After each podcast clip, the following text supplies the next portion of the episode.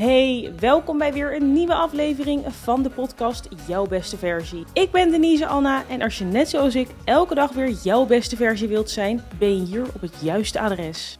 Hallo, wat leuk dat je weer luistert. Vandaag wil ik het met je hebben over de meningen van anderen, want die krijgen we op dagelijkse basis best wel vaak. Heel veel ongevraagd advies en meningen waar we eigenlijk niet op zitten te wachten. Dus ik heb een paar tools voor je om het leven een stukje makkelijker te maken. Um, ik ben dus op dit onderwerp gekomen omdat ik het de laatste tijd best wel vaak met mijn manager heb over um, haters meningen van anderen online of in het echt, um, waar ik eigenlijk niks aan heb en die mij eigenlijk alleen maar naar beneden halen. Wellicht weet je het, maar ik ben natuurlijk um, content creator, influencer. En hoe meer ik groei, hoe meer negatieve comments, negatieve meningen of gewoon meningen ik krijg. In het begin had ik hier heel veel moeite mee en elke nare comment uh, ja, gaf me eigenlijk een brok in mijn keel. En nu heb ik wat tools voor je die je kan gebruiken wanneer men een mening over je heeft. Dus uh, ja, welke meningen kan je aannemen en welke niet. Oké, okay, eventjes naar de basis. Als we kijken naar advies en meningen, vroeg ik mezelf dus af van waarom geven we nou zoveel om de mening van iemand anders? Nou, dat komt dus door het volgende. Um, dit is ontstaan in de oertijd. Het was vroeger natuurlijk van levensbelang, echt letterlijk, om bij je groep te horen. En als je dus niet bij de groep hoorde, ging je waarschijnlijk dood. Dus honderdduizenden jaren geleden deed een mening van anderen ertoe. Want als je niet mochten, was het gewoon het einde van je leven. Echt ontzettend drastisch, maar zo was het. Vandaag de dag, in 2023, is dat niet meer het geval. Onze omgeving is veranderd, dus onze externe factoren zijn veranderd. Maar ons brein, ons oerbrein, is er nog. En ons brein die is daar ook om uh, ons in leven te houden. Dus er is een overlevingsmechanisme in ons brein. En dat komt dus uit die oertijd. En dat is er gewoon nog. Dus hè, wat ik al zei, honderdduizend jaar geleden, uh, als het groepje niet mocht, was je echt wel fucked. Maar, um, maar vandaag de dag, als Eveline van de marketingafdelingen niet mag, maakt dat natuurlijk geen ene reet uit. Alleen denken wij dat het er wel toe doet, omdat dat deel van je hersenen nog uh, er is. En ik heb dus ooit een quote gehoord, dus ook alweer een aantal jaar geleden. En die quote die ging als volgt: uh, De behoefte om geaccepteerd te worden in deze wereld maakt je onzichtbaar. Nog een keer. De behoefte om geaccepteerd te worden in deze wereld maakt je onzichtbaar. Komt die een beetje binnen? Dus wat we onbewust allemaal doen, is dat we lekker willen blenden in de maatschappij, zodat we ja, onbewust geaccepteerd worden. En daardoor word je dus onzichtbaar. Als we bijvoorbeeld nu eens kijken naar mensen die wij allemaal kennen. En met mensen die we allemaal kennen, heb ik het over celebrities. Uh, Beyoncé, dat is echt de eerste die in me opkomt. Lady Gaga, Justin Bieber, uh, weet ik het, wat wereldleiders. Het hoeven niet per se zangers te zijn, dus, hè, maar gewoon mensen die we allemaal kennen. En besef je dan even het volgende. Zijn al deze mensen die, die we eigenlijk allemaal kennen, uh, ingeblend in de maatschappij? En het antwoord is nee op de een of andere manier kan je het zien als outsiders. Maar allemaal hebben ze iets gemeen dat ze toch anders zijn dan de massa. En begrijp me niet verkeerd hoor, ik heb helemaal niks tegen de zogenaamde Matrix, wat ineens helemaal viral gaat. Althans, op mijn timelines overal heeft iedereen het over de Matrix en ontsnappen uit de Matrix. Ja, ik vind het een beetje um, vergezocht. Maar uh, ik heb het meer over dat je gewoon je eigen persoonlijkheid moet durven te zijn in deze wereld, in deze maatschappij. Beroemdheden, alle celebrities, die hebben dat gedaan. En daarom zijn zij nu op een punt waar zij nu zijn. Of nou ja, mede daardoor. Het is niet omdat ze anders waren dat ze nu ineens beroemd zijn. Nee, zo zwart-wit is het niet. Maar uh, zij zijn niet ingeblend in de massa. En als je dus nu eventjes kijkt naar jouw idool, gewoon iemand waar je echt tegenop kijkt, dan is toch het laatste wat je wil om in te blenden, om erbij te horen.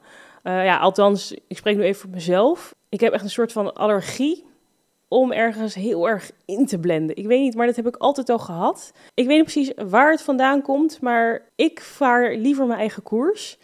Misschien is het ook een stukje opvoeding dat ik van mijn ouders altijd van alles mocht, zolang ik maar gelukkig was dat heeft mij gewoon heel veel vertrouwen gegeven in mijn eigen keuzes en in alles wat ik kan. En dat heeft mij wel gebracht tot waar ik nu ben. Maar goed, het hele inblenden, onzichtbaar zijn in de maatschappij, dat komt natuurlijk ergens vandaan. De ene kant is natuurlijk dus vanuit je oerbrein, dus we wilden ergens bij horen. En als je dat niet deed, dan was eigenlijk het einde nabij. En aan de andere kant, hiervoor neem ik heel eventjes mee naar jouw schooltijd, basisschool, middelbare school. Um, hier waren zoveel regels voor je natuurlijke behoeften. En hier bedoel ik mee te zeggen is uh, bijvoorbeeld op de basisschool, als je moest plassen, of op de middelbare school, moest je echt toestemming krijgen om naar het toilet te gaan. I mean, het is gewoon een natuurlijk iets. Jij moet plassen. Waarom moet je er toestemming voor krijgen? Of vroeger, als je dan buiten speelde, uh, en ook op de middelbare school ook, als de bel ging, moest je weer naar binnen. Maar wat nou als jij gewoon even lekker buiten wil zijn, even wil genieten van de frisse lucht, want dat heb je gewoon nodig. Of het op gezette tijden eten, daar ga ik zo slecht op. En ik zie dat nog steeds terug bij uh, kantoorbanen. En nu spreek natuurlijk niet over alle kantoorbanen of überhaupt alle banen die er zijn. Maar ik vind het zo belachelijk dat je op gezette tijden moet lunchen. Wie bepaalt voor mij wanneer ik ga eten? Wat is dat nou voor onzin? Dat je dan om half één smiddags uh, je boterhammetje moet gaan eten, terwijl je misschien nog helemaal geen trek hebt. Maar ja, de pauze is van half één tot één. En als je daarna gaat eten achter je bureau, word je misschien raar aangekeken. Gewoon dat soort vaste regeltjes. Ik ga er zo ontzettend slecht op. En nu ik het toch over het kantoorleven heb, ik kan ook nog steeds niet begrijpen waarom een kantoorbaan van 9 tot 5 is. Of om en nabij 9 tot om en nabij 5. Ik heb soms dagen dat ik vanaf 6 uur s ochtends tot 12 uur s middags keihard aan het werk ben en daarna niks meer waard ben. Of ik heb dagen dat ik pas om 3 uur s middags een keer iets voel om te doen. En ja, weet je, wie ben ik om hier wat van te vinden? Maar ja, ik vind er toch wat van. Er zijn zoveel meer manieren om ja, iets meer menselijk te worden. En uiteraard hoop ik dat hier een soort van verandering in gaat komen. Ik had eigenlijk gehoopt dat die verandering er in corona zou zijn, want toen werkten heel veel mensen thuis. En ik had echt een soort van de hoop van, nou, dit wordt helemaal het nieuwe normaal. Uh, al zie ik wel dat steeds meer bedrijven weer op kantoor gaan werken en dat ze werknemers echt verplichten om op kantoor te werken. Ja, goed, weet je, als ik een baas zou zijn met heel veel werknemers, had ik het heel anders gedaan. Maar goed, dit is eventjes een ander onderwerp. Waar het om gaat is dat er ons van alles wordt aangeleerd om gewoon lekker met de meute mee te lopen. En als je een keertje afwijkt van al deze regeltjes, dus hè, als je een keertje je boterhammetje om drie uur s middags pas gaat eten, of als je uh, drie keer achter elkaar naar het toilet gaat omdat je gewoon moet plassen, of als je um, wat langer buiten bent, dan ben je meteen tegen de raads en val je meteen buiten de boot. En, en dan word je meteen gezien als die meid die gewoon niet luistert, die de regels niet volgt, dus je hoort niet bij de groep. En dat, deze twee dingen, dus vanuit de oertijd en het aangeleerde, dat maakt ons dat we lekker willen inblenden en dat we ergens bij willen horen, maar dat hoeft helemaal niet. Als je er niet bij hoort, overleef je het ook nog wel op deze wereld. Geloof me. De supermarkt die is altijd open, je kan eten, je kan drinken. Het komt allemaal wel goed. En even een ander voorbeeld wat ik heb. Ik sport dus elke dag om half zeven ochtends, ongeveer vijf tot zes keer per week uh, doe crossfit of ik doe kracht. En ik had dus laatst een gesprek met iemand en die zei dus tegen mij van... Ik vind het niets normaal dat jij elke dag sport. Dat kan niet gezond zijn. En in eerste instantie voelde ik me helemaal aangevallen en helemaal... Oh jee, ja, oh, oh jee, deze mening. Oh, ik moet degene overtuigen dat het wel goed is, want ja, ik voel me gewoon goed bij. En oh, weet je, zo'n soort gevoel krijg je dan meteen. Gewoon een beetje een soort van opgejaagd gevoel. Ik weet niet wat het is, ik kan het niet goed omschrijven. Maar goed, ik voelde iets toen diegene dat tegen me zei. Meteen daarna kreeg ik de andere gedachte: wacht even. Is deze persoon sportief? Nou ja, van wat ik heb gezien, is diegene dat niet. Diegene heeft pas drie keer in zijn hele leven een sportschool van binnen gezien. Uh, diegene heeft het ook altijd over dat hij wel wil sporten, maar geen tijd of geen zin of geen spullen heeft. Dus toen dacht ik: oké, zou ik willen ruilen met deze persoon als het gaat om uh, fitheid? Nee, zeker niet. Dus in hoeverre interesseert de mening van deze persoon mij? Om eerlijk te zijn, 0,00000. Gewoon niet. En op dat moment glijdt er meteen iets van je schouders af van, ja, laat maar lekker praten, wat jij wil. Het is waarschijnlijk een projectie van je eigen tekortkomingen, wat je nu op mij projecteert. Het is niet persoonlijk, maar het is gewoon jouw eigen ja, frustratie wat je nu even op mij moet uiten. En als je op die manier gaat bekijken, is het leven zo'n stukje fijner. En zo doe ik het dus ook met heel veel berichten wat ik krijg op social media, want ik krijg er nogal wat en ze zijn niet allemaal leuk. En vaak uh, zijn het ook van die accounts die dan geen profielfotootje hebben of zelf geen content hebben of een slotje hebben op het account. Dat ik al denk, ja, lekker makkelijk om een mening te vormen.